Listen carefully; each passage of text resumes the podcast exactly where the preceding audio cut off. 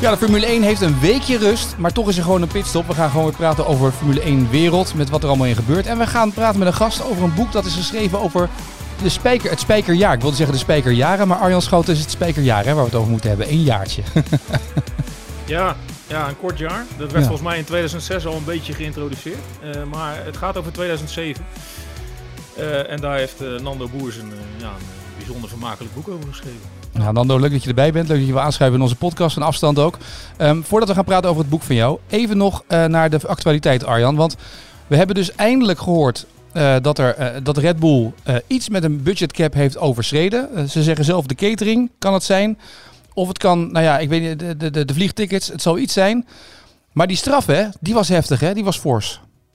Ja, dat is een beetje irritant, hè? Dat je dan, uh, dan krijg je zo'n rapport, maar dan krijg je niet de straf. En dan gaan we allemaal weer uh, eindeloos uh, filosoferen over wat dat dan moet worden.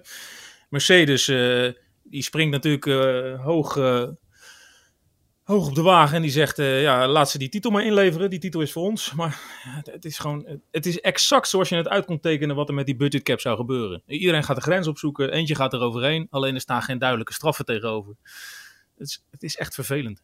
Want we moeten het hier eigenlijk helemaal niet over hebben. Een soort WK boekhouden is het geworden. Nee, dat weet ik. Dat zeg je vaker. Maar het, is toch, het blijft mij verbazen dat je eerst zegt... nou, we hebben woensdag een uitslag. Nee, het wordt maandag. Dan geef je maandag geef je door... jongens, dit wordt de straf. Ja. Uh, tenminste, heeft iemand wat overschreden... en dan hebben we geen straf erbij. Nee, nee, nee. Maar er is ook helemaal geen transparantie. Hè? Wij moeten allemaal maar uh, aannemen... dat het uh, om een bedrag onder de 5% van die 145 miljoen dollar gaat. Ehm maar zijn die broodjes dan... kroket zo duur bij Red Bull dan, of niet? Wat zeg je? Zijn die broodjes kroket bij Red Bull zo duur? Nou, ze hebben wel hele goede broodjes, ja. ja. Hele goede broodjes. Maar uh, ik vind het, uh, het, is, het is totaal niet wat beloofd werd. Hè? Dat het transparanter zou zijn. Ik had ook niet de illusie dat dat zou zijn. Ik had ook niet de illusie dat ik een, uh, een sheet zou krijgen van, nou, deze post zijn zo overheen, die post zijn zo overheen. Alleen, uh, of het goed is voor de sport dat je het zo neerlegt en zo presenteert en eigenlijk uh, alleen maar meer vragen oproept bij de fan. Al vraag ik me af of de fan al lang niet afgehaakt is op dit hele onderwerp. Ja, ja ik denk niet dat het goed is. Nee. Nando, hoe kijk jij naar deze hele zaak bij Red Bull?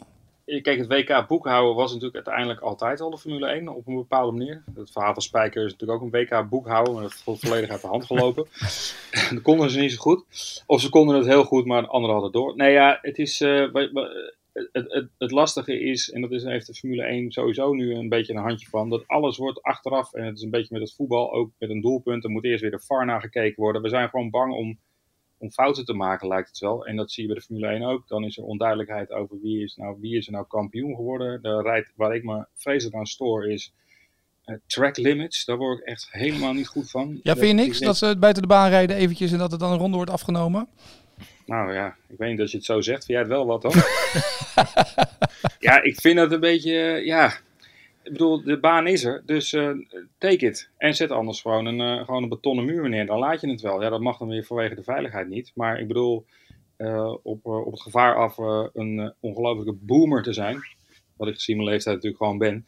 Maar is het dat, dat het, ja, die, en, en het is met dit ook, dat hier wordt dan weer een, en wat voor straf wordt hier dan aangegeven. En Um, en, en, en ja, die fans heeft, heeft er geen moer aan, want het gaat dan over het, jaar daarna.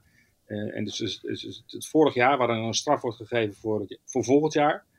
Uh, ja, het is een beetje een soort als die grid penalties. Dat je op een gegeven moment denkt, is een versnellingsbak meer waard dan een motor? Of een uh, ophanging? Of een diffuser? Ik weet niet, hebben ze die eigenlijk nog? Nou ja, goed, maar weet je, het is, het is gewoon...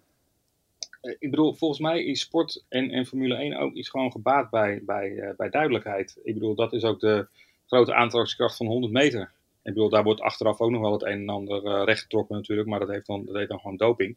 Maar ik bedoel, de eerste die aan de finish komt, bedoel, dat is voor iedereen begrijpelijk. En als je nou kijkt naar de laatste jaren waarin, als het over sport gaat en over populariteit van sport, en dan wordt ook de link altijd gelegd met jongeren. En die, die willen gewoon heel duidelijk uh, een, een quick fix. Gewoon meteen, um, ik kijk en ik weet wie er gewonnen heeft. En niet achteraf maar goed, aan de andere kant, weet je, in de Formule 1 gebeurde dit in de jaren 70 ook al. Achter de, achter de groene tafel heette dat dan vroeger. Ja. Dat allerlei dingen werden. Uh, lang verhaal kort, uh, hoop gedonder om niks. Zou Arjan, zou de, zou de fan er überhaupt mee bezig zijn met die straffen? Nee toch? Nou, heel even. De, de, spanning zat dan volgens mij vooral in het feit dat we uh, lang aan het afwachten waren van wie heeft nou eigenlijk die budgetcap doorbroken. Alleen, uh, ja, dat, dat, wordt, dat lekt op een gegeven moment uit hè, via de pers in Duitsland en Italië. Nou, dan kan je ook wel begrijpen welke kampen erachter zitten. Um, maar dan is dat er op een gegeven moment en dan ontbreekt het dus aan een duidelijke straf. En dan haak je volgens mij als fan snel weer af in dit hele verhaal. Uh, maar wat ik veel belangrijker vind, en dat stipt Nando ook aan, die duidelijkheid ontbreekt. Dus uh, je moet wel heel erg veel van deze sport houden. Uh, wil je dit ook volgen? en ik denk als jij een nieuwe fan bent en die deze sport nog aan het ontdekken is. En daar moet je volgens mij toch als Formule 1 altijd op, op mikken. Amerikaans volk bijvoorbeeld, waar het nu echt heel erg groeiend is en je hebt zo'n week als vorige week, hè, dat er een kampioenschapsrace wordt gereden, maar dat de kampioen niet eens weet dat hij kampioen is. Net als het team. Uh, en je hebt zo'n ja, zo'n budgetrapport wat dan uitlekt waar er vervolgens helemaal geen straffen tegenover staan. Ja, als jij die sport nog aan het ontdekken bent, dan zou het best wel eens kunnen dat je vorige week zoiets had van, nou, ik denk dat ik maar eens weer wat anders ga volgen, want ik snap hier helemaal geen reet van. Nee dat is waar. Nando, uh, geen plek voor kleine jongens. Zo heet jouw boek over het wonderlijke jaar van Spijker in de Formule 1. Uh, eh, waarom was het nodig om een boek te schrijven over Spijker dat ene jaar? Uh, omdat het er nog niet was. Omdat Mooi, het, ja. Ehm, ik had, nou ja, dat, de, niet dat ik de enige was die dat zou kunnen doen, maar ik had, ik, ik, liep in die jaren in de Formule 1 rond. Ik had een hoop informatie ehm, verzameld. ook informatie waar ik toen op dat moment niet altijd iets mee kon omdat het niet in een verhaal paste of omdat we toen nog niet wisten dat het een verhaal zou zijn. En ik had die verhalen allemaal, ja, ik had al die informatie op andere, op andere manieren wel eens een keer gebruikt. In stukken voor Formule 1 waar ik toen voor schreef en later voor Sportweek en Nu-sport. Uh, zeg ze maar, deze periode zit precies in die, die overgang voor mij, zeg maar. En uh, ik had altijd het idee gehad van ik, ik wil hier nog een keer iets mee doen. ik had vrij goed contact met alle hoofdrolspelers. Ik was er vanaf het begin ook bij geweest. Dat, dat, dat, was ook niet voor iedereen die daar rondliep. Er liepen sowieso niet zo heel veel mensen in die tijd in de Formule 1 rond die Nederlands spraken. Um, en het was een, ja, een fenomenale mislukking. en ik zelf vond, vind, vind boeken over dit onderwerp over het algemeen prettig om te lezen, omdat je, het is afgerond verhaal die valt van de ene verbazing in de andere verbazing. En dat gaat nou of het over honkbalteams gaat of over voetbalclubs of over. Dat geldt hier ook voor. En ik uh, had gewoon het idee dat, uh, dat, dat, dat, dat ik dit zou tot een goed einde zou kunnen brengen. Ik wist alleen dus niet wat, het, um, wat nou het juiste moment zou zijn. Daar heb ik eigenlijk altijd op. nou ja, ik had het allemaal in twee supermarkttassen in de hoek van, de, van, de, van mijn kantoor staan. Van er gaat nog een keer komen. en ik had nog een hoop ik had ook zelfs nog cassettebandjes, Arjan. En uh, minidisc, waar allemaal interviews op stonden. De meeste daarvan had ik allemaal al uitgetikt. Zo'n figuur ben ik dan dat ik die transcripties allemaal maak van You Never Know. En, en dat moment kwam vorig jaar. Ben je tot nieuwe dingen gekomen toen je bezig was met schrijven van het boek? Dat je dacht, hé, hey, dit, dit ben ik helemaal vergeten of heb ik over het hoofd gezien met wat ik geschreven heb? Ja, dat is natuurlijk nu een beetje lastig, want dat is inmiddels al een. ja, het boek was heb ik, eh, eh, het grootste gedeelte heb ik vorig jaar ben ik mee begonnen. Dus die verbazing weet ik eigenlijk niet meer of ik die, of ik die had. Ehm, dus daar kan ik eigenlijk geen antwoord op geven of ik dat nou anders heb gezien. Wat me wel opviel, ehm, maar dat is dat het eigenlijk ehm, normaal gesproken in, in, in dit soort verhalen zit ook heel vaak dat iemand heel vervelende man is, of een hele vervelende vrouw, of dat het nare persoonlijkheden zijn. En dat waren het allemaal niet. Dat viel me wel op dat ik dacht, het zijn eigenlijk allemaal op zichzelf allemaal hartstikke aardige jongens. Ze hebben ook helemaal, ja, ze zullen misschien, uh, er, zijn, er zijn mensen geld verloren. Uh, en er zullen misschien mensen boos zijn, maar ik heb, uh, en ik denk dat, dat mijn collega's dat ook kunnen beamen die in die tijd daar rondliepen. Ehm, ze waren niet agressief, ze waren niet vervelend, ze waren niet uh, achterbaks. Weet je, dus, dus ja. Maar goed, ik bedoel, ik weet dat ik dit zeg ook over Victor Muller. En heel veel mensen kunnen bloed van Victor Muller wat drinken. Maar ik kan alleen maar op mijn eigen, eigen persoonlijke ervaring afgaan. Um, en dat viel me wel op. Dat ze gewoon. Uh, ik bedoel, Michiel Mol was iemand die ook meteen al. Uh, het gevoel gaf bij alle mensen om hem heen, denk ik, en vrienden, dat, ze, dat hij, bedoel, het is een welgestelde jongen, hij kwam uit een rijke familie, uh, bedoel, hij wist eigenlijk vanaf het moment dat hij wist uh, wat geld betekende, dat hij eigenlijk, dat hij, als hij niet zou willen, had hij het nooit meer hoeven werken vanwege het familiekapitaal.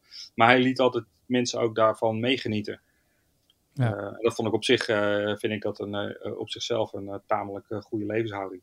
Ik kan me nog herinneren dat Victor Muller daar inderdaad, dat was, dat was de man die dan het gezicht was naar buiten toe. Hè, die steeds al die verhalen deed. En die werd steeds meer, in het begin dacht iedereen, oh leuk, een Nederlander die met Spijker een Formule 1 team koopt. En gaandeweg het seizoen werd hij steeds meer een soort van risé in, in de Formule 1 en in de autowereld. Ja, dat is natuurlijk een beetje zoals, uh, ja, dat is hij denk ik nog steeds. Het is een man met, uh, met veel gezichten en met veel, hij kan praten als brugman. en misschien nog wel beter dan brugman. En hij, op een gegeven moment, als, als de praatjes niet worden opgevolgd door daden, dan beginnen mensen natuurlijk wel een beetje, ja, dan, dan, dan ga je mensen natuurlijk vanzelf irriteren. En als het ook nog over geld gaat en ook nog over, ja, nou ja, dan, dan, dan word je vanzelf de risé. Ja. Ja, Nando, misschien wel goed om te schetsen. Um, we hebben waarschijnlijk ook veel luisteraars uh, die uh, zijn ingehaakt bij Max en die denken, waar hebben we het allemaal over? Maar het is 15 jaar geleden. Spijker F1, Nederlands team. Michiel Mol, Victor Muller erachter met het geld. Uh, Christian Albers en Adrian Sutil in de auto. Nou, het is gebeurd, dus we verklappen niks van het boek. Een groot succes was het niet. Het was ook nee. snel weer klaar.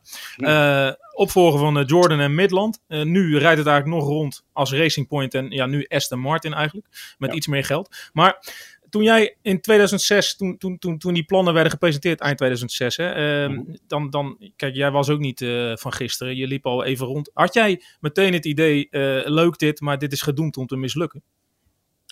Um, nou, dat wil ik niet zeggen ik had wel het idee, leuk dit.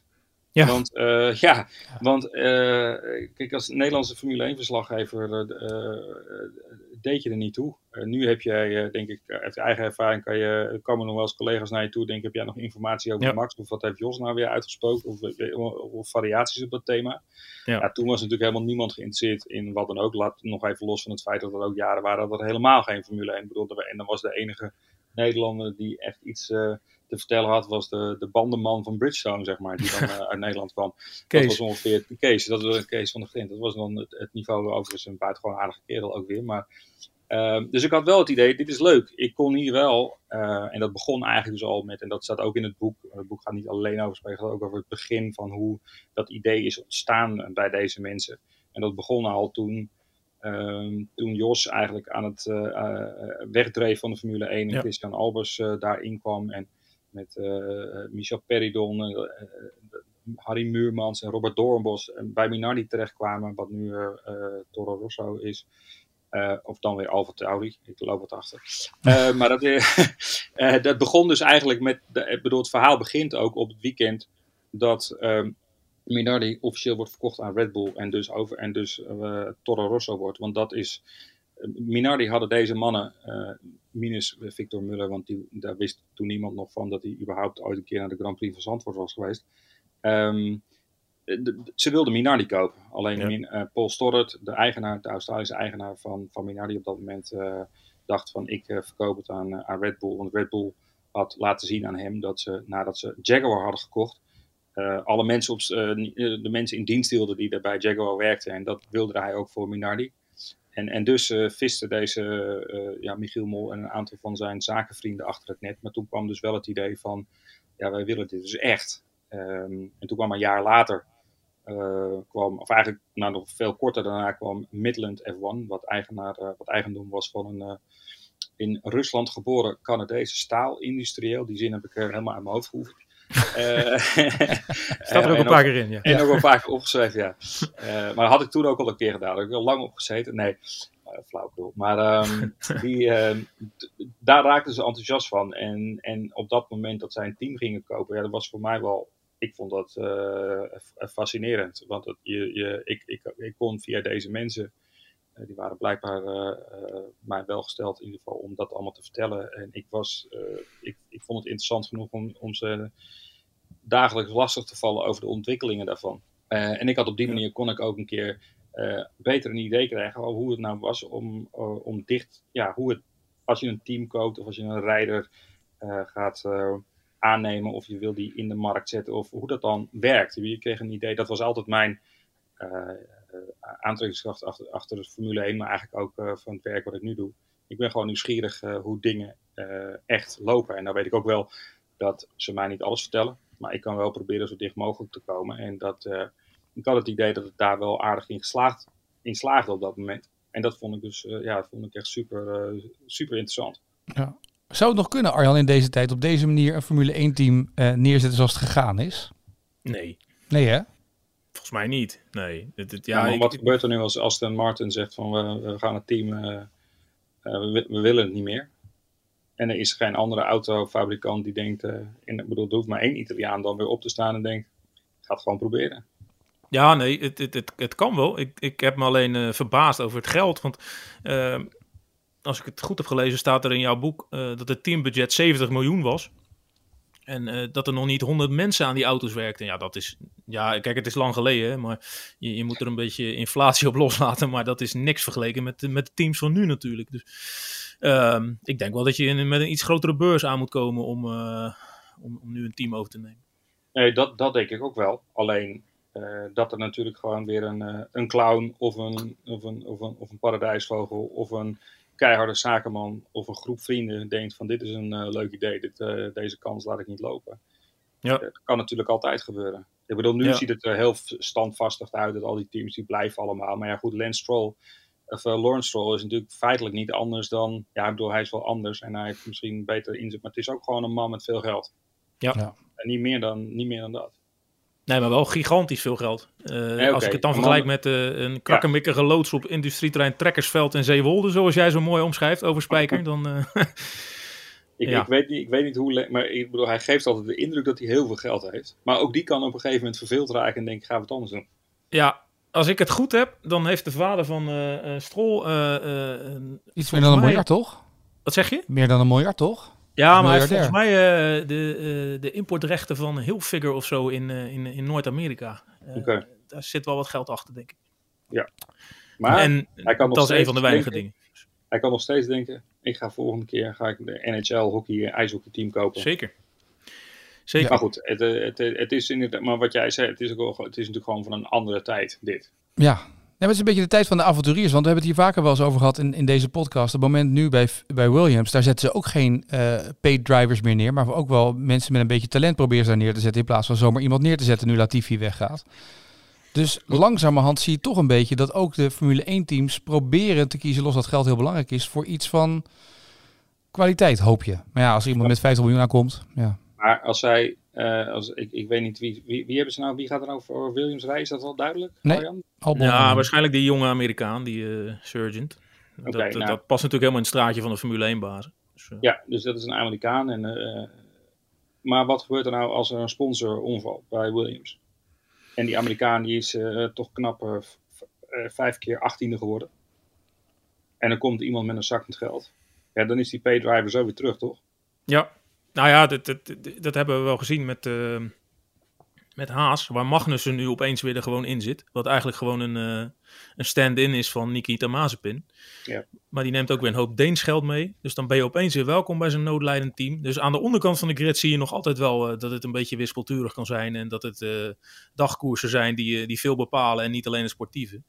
Ja. Maar wat ik in jouw boek wel interessant vind, is eh, de, het contrast met nu. Hè, eh, hoe groot een sport in Nederland is. Want eh, eh, ja, Mol presenteert het ook echt als een Dutch F1-project. Volgens mij was er zelfs even sprake van dat Jos Verstappen als vrijdagcoureur in Spa zou rijden. Ja, dat was ook zo'n oprisping inderdaad. Dat op een gegeven moment iets te veel bier op had en dacht dat is een goed idee. En vervolgens in de paddock dat gewoon... Ik bedoel, dat geeft al aan dat, dat, dat, dat- ik denk dat dat helemaal niet meer gebeurt. Nee, Vind ik ook, het lijkt me ook heel erg jammer. Ik, heb wel eens, ik, bedoel, ik ben gestopt met Formule 1 als verslaggever in 2010 bij de comeback van Michael Schumacher. Toen dacht ik, nou, ik ben nu, eh, nu weet ik het eh, wel, zeg maar. Ja. En ik heb natuurlijk nog wel eens contact met jou, met collega's en daar praat ik nog wel eens over. En eh, ja, het is niet dat je nou denkt, goh, ik moet snel terug. Qua nee, het is bereikbaarheid en Ja. qua ja, bereikbaarheid als, en de bereidwilligheid van mensen om te praten. Ja. Ja. Nou was het eh, in de tijd dat ik er rondliep, eh, liep ik ook niet het kantoortje van Ross Brawn binnen hoor. Dat, dat ook niet. Eh, maar er waren nog wel een paar teambazen die gewoon wel de telefoon opnamen.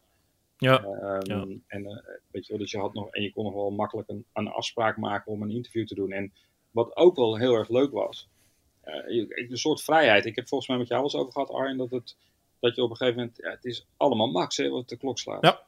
Dus eh, ik denk dat jij alle invalshoeken van Max, dat is een lijst. De, de- de- ik bedoel, ik lees niet het AD elke dag, maar dat moet onwaarschijnlijk zijn. Ik bedoel, en in die tijd dat ik daar rondliep, ja, ik moest, kon ook gewoon uh, verhalen maken met Mark Webber, ja, die reed bij Jaguar. Uh, of met, uh, nou ja, weet je, er was niet een soort druk van, van we moeten één groot ding. ik bedoel, wat dat betreft is het een, lijkt het op de, op de, wat mijn collega's, Duitse collega's in die tijd hadden met Schumacher. Ja. Die hingen alleen maar, die stonden alleen maar voor de, voor de garage van, van Schumacher. Ja, is een, heel eendimensionaal. Uh, daarom snap je ook dat we blij zijn dat Nick de Vries erbij komt volgend jaar. Maar uh, ja, dit is heel uh, incidenteel dat je eens een ander verhaal maakt. Zoals bijvoorbeeld Bottas over fietsen in Zandvoort. En. Dit, ja ehm, daar, moet, daar moet af en toe ruimte voor zijn. Alleen het is, ja, de, de, sportieve aanleiding is er ook wel om er natuurlijk veel over Max te doen. Maar wat, wat, wat ik interessant vond in jouw boek ehm, ehm, de, de bereidwilligheid van het Nederlandse bedrijfsleven om in zo'n project mee te gaan. Je hebt het volgens mij over ING, uh, ja. die ook met Spijk heeft gesproken en dan toch instapt bij Renault. Uh, en dat je het dan toch moet hebben van die eh, persoonlijke investeerders als Peridon en Muurmans en Mol en, en Muller. En dat je, je, je, je, je komt op een gegeven moment aan met een, met een verhaal dat, dat Albers een, een persoonlijke sponsor heeft, Philoderm Skincare. Ik heb er nog nooit van gehoord. Nee, maar is heel goed voor je huid. Ja, nee, maar als je dan ziet wat een giganten er tegenwoordig in zijn gestapt met de, met de Jumbo's en de G-Stars en, en nou ja, alles wat achter Zandvoort zit. Er is echt wat veranderd door, uh, door zo'n uh, succes van, van Verstappen. Dat vind ik wel mooi om te zien. Ja, nee, dat is, dat, dat, dat, uh, ja, ik kan daar niks, niks, niks anders van maken. Het was natuurlijk een, een lekker bijeengeraapt zootje wat daar rondliep. Ja. Ehm, en nogmaals, dat maakt voor verhalen is dat, is dat, um, ja, dat is, dat is heerlijk. Ja. Omdat er zit geen. deze mensen hadden allemaal eh, op een eigen manier geld verdiend. En die hadden allemaal het. het uh, uh, ja, zeg je dat? het succes was hun eigendom, weet je wel. Dat hadden zij gemaakt. Dus ja, dan had je iemand als Muurmans. die ook op een gegeven moment gewoon bij de Peter Sauber naar binnen liep. en zei: Ik wil een testen met Jos. Want Jos moet met Fisichella. Want ik denk dat hij beter is dan Fisichella. En uh, wat kost dat? Een miljoen? Oké, nou, dat betaal ik gewoon, weet je wel. Dat je echt denkt, sorry. Ik heb ook wel eens Peridon, ook wel eens in een, uh, in een, in, volgens mij was het in Hongarije, was een versnellingsbak van Josse Stappel terug. En dan uh, riep hij te schreeuwen naar Paul Stoddard van, ik wil een nieuwe, nieuwe versnellingsbak. Wat kost dat? Dat betaal ik gewoon. Weet je wel, en je echt denkt, sorry. Oké, nou dat dacht Paul Stoddard ook. Maar bedoel, dat is echt, ja, die mensen waren gewoon gewend om dat blijkbaar zo te doen. En um, ja, als je daar bij was bij stond, is het uh, ja, ik kan niet anders zeggen dan fenomenaal om te zien. Dat dat zo, maar dat, ja. ja. dat gebeurt natuurlijk bijna nooit meer. Er zat ook wel enige ergernis, merk ik, gaandeweg het seizoen. Vooral bij teammanager uh, Colin Coles, zeg ik het goed? Colin Collis. Ja, Colin was, uh, die was er wel een beetje klaar mee op een gegeven moment met die... met, dat, met al die ongeleide projectielen. Nou was het volstrekt wederzijds. Uh, dat, uh, ik, uh, ik heb voor het boek ook nog eh, al deze, de, de, de, hoofdrolspelers nog gebeld, opgebeld. En gezegd van, dat het eraan zat te komen. En ze waren ook allemaal nog precies zoals ik had gedacht. En Collins was ja, nog steeds achterdochtig. Ik bedoel, nam wel de telefoon op, dat deed hij altijd. Maar nog steeds achterdochtige man. En ja, die, die, die kon daar totaal niet mee. Uh, dat was ook zo'n zo'n overlever. Maar die zat, en daar zat natuurlijk het probleem bij. Dat, ik bedoel, we hebben het helemaal nog niet gehad over wat is er nou eigenlijk gebeurd bij Spijker. Maar het probleem zat er natuurlijk in dat, ze, dat er een, een fabriek stond in Zeewolde. Waar ze zeiden dat ze, weet ik veel, honderden auto's maakten. Nou, dat bleek er uiteindelijk in 2007 7 te zijn. Um, maar ze waren wel duur, hè? Ze waren wel duur, ja. Ja, maar goed, als je er ook heel lang over doet om ze te maken, dan, uh, dan worden ze vanzelf wel duur. En dan verdien je nog steeds geen moer. Um, en er was een fabriek van Jordan toen, dus die zijn begonnen en die zat op Silverstone. Uh, volgens mij, ik weet niet, zit Aston Martin nog steeds uit? zal wel.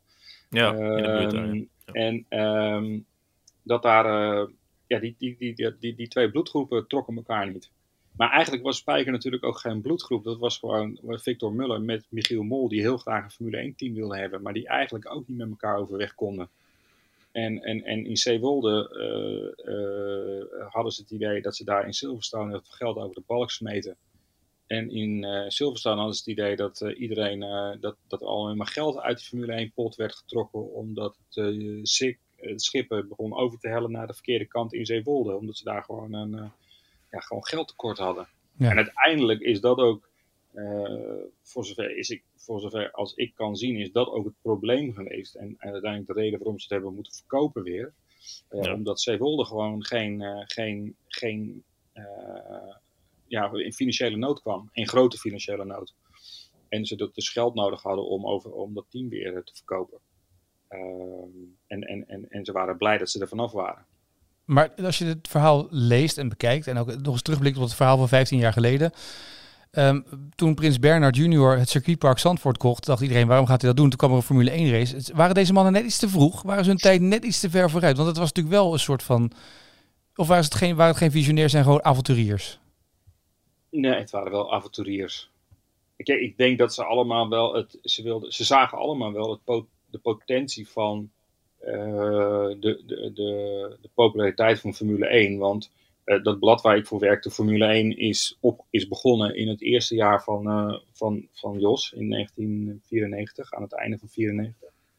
Um, en al deze mensen waren allemaal geïnteresseerd geraakt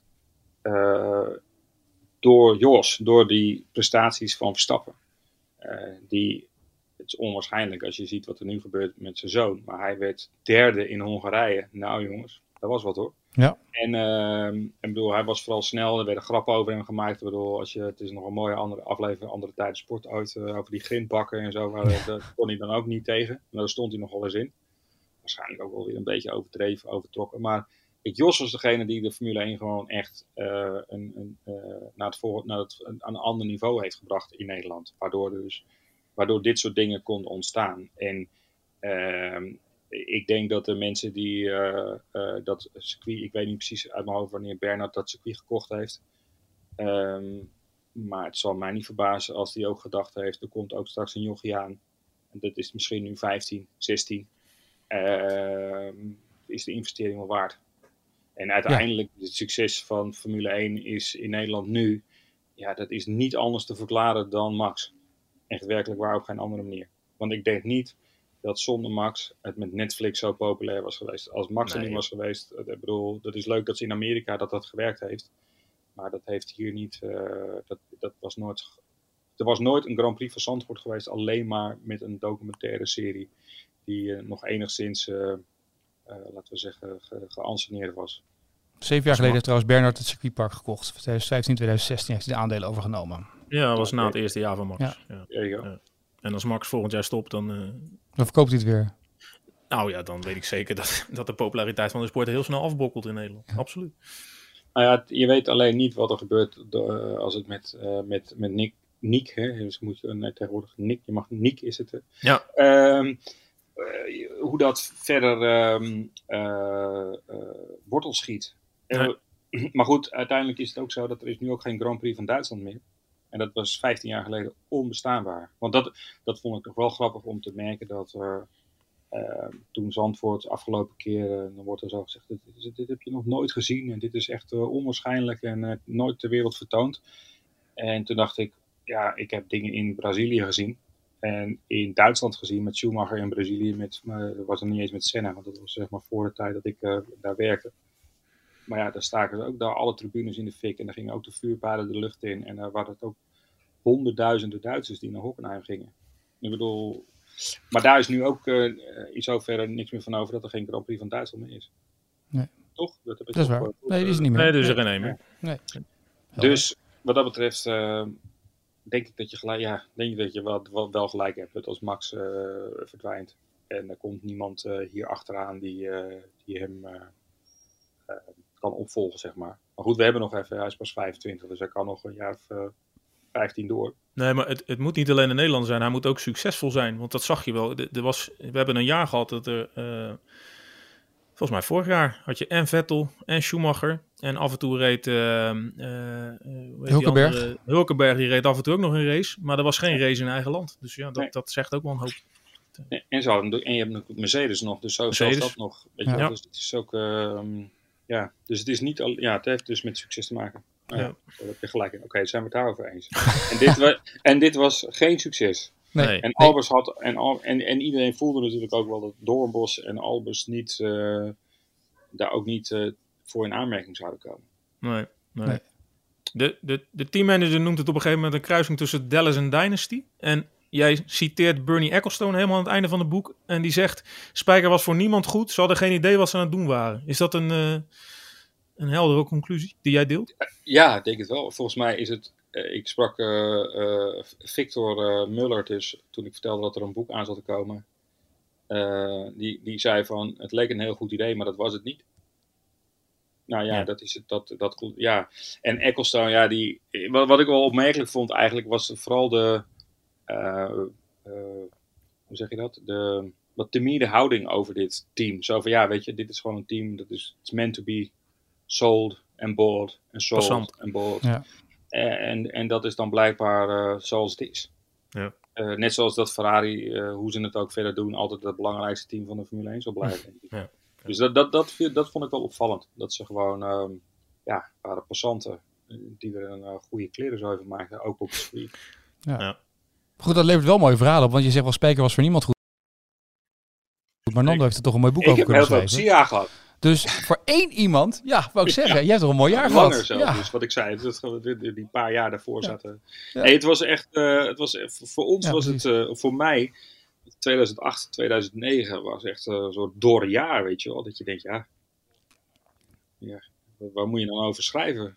Ja. Maar je kon er nog, je kon dan Ja, nog een ik wel. reconstructie maken over een jaar na de mislukte pitstop van, eh, van Christian Albers.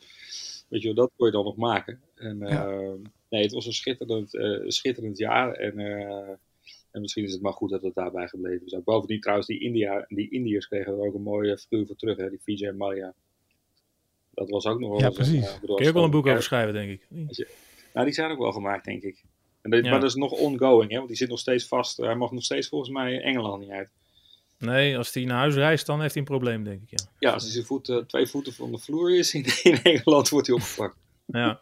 Hey, jij, jij memoreert zelf aan die, eh, ja, die tankslang die nog aan de auto van Albers zat. Ehm, Ja. ja, dat is misschien wel het meest iconische beeld van Spijker wat iedereen nog op zijn netvlies heeft. Maar was dat het sportieve dieptepunt, wat jou betreft? Nou ja, uiteindelijk, uiteindelijk wel. Kijk, ik, ik, wil, ik moet wel zeggen dat eh, paar weken geleden, eh, toen, eh, twee weken geleden, Grand Prix van Singapore, was, ook, zag ik nog zo'n eh, van die highlights van een paar jaar geleden en zo. Maar hij zag ik ook gewoon een wereldkampioen in een rode auto met een tankslang wegrijden. Ik bedoel, het gebeurde. Nou, heel het is niet. Het is, ja, Overkomt de beste. niet exceptioneel dom. Maar dit was natuurlijk Nee. een goede, een eh, goede opeenstapeling van alles wat fout kon gaan. Dus het, het past, het was heel erg. Ja, ik bedoel, als je Albers met die gebogen schouders ziet weglopen bij die auto die hij geparkeerd heeft, met die slang die er afgerukt is. Ja, dat is een, voor in de, ja, het is Nederlandse autosportgeschiedenis en misschien wel Nederlandse sportgeschiedenis. Ehm, en, en, en het einde van een, eh, van een, van een, van een ja, fenomenaal idee wat totaal mislukt eh, is. Ik bedoel, een, een race later werd hij ontslagen en dat werd dan ook nog weer gebeurd. Er gebeurde dan ook nog weer door Collis, die, hem, die Colin Collis, die teambaas, die, of die, die, die, die teammanager moet ik eigenlijk zeggen, die, die ging hem dat dan vertellen. En Michiel Mol, die wilde dat weer, die durfde dat dan niet. Weet je, dus het was ook allemaal... Het was ook, er zat ook weinig, er zat ook weinig, wat dat betreft weinig, het was allemaal wel vriendelijk, maar er zat weinig klasse en er zat weinig ballen in, weet je wel. Dat, dat is zo, dat vond ik wel, eh, wel opvallend. En misschien Ja. had die Collins nog wel de meeste ballen van allemaal, maar dat was degene die wiens bloed ze allemaal konden drinken. Precies. Nou, het boek Geen plek voor kleine jongens. Eh, eh, we zullen de link in de show notes zetten. Mochten mensen het willen bestellen, kunnen ze bij deze ook klikken. Het staat in de show notes. We gaan ook nog één boek weggeven, Arjan, voor de luisteraars. Moeten ze mailen naar pitstop.ad.nl. Maar je moet niet mailen zomaar met ik wil hem hebben. Maar je moet wel een vraag beantwoorden. En jij hebt een vraag bedacht. Een hele goede vraag heb ik gehoord.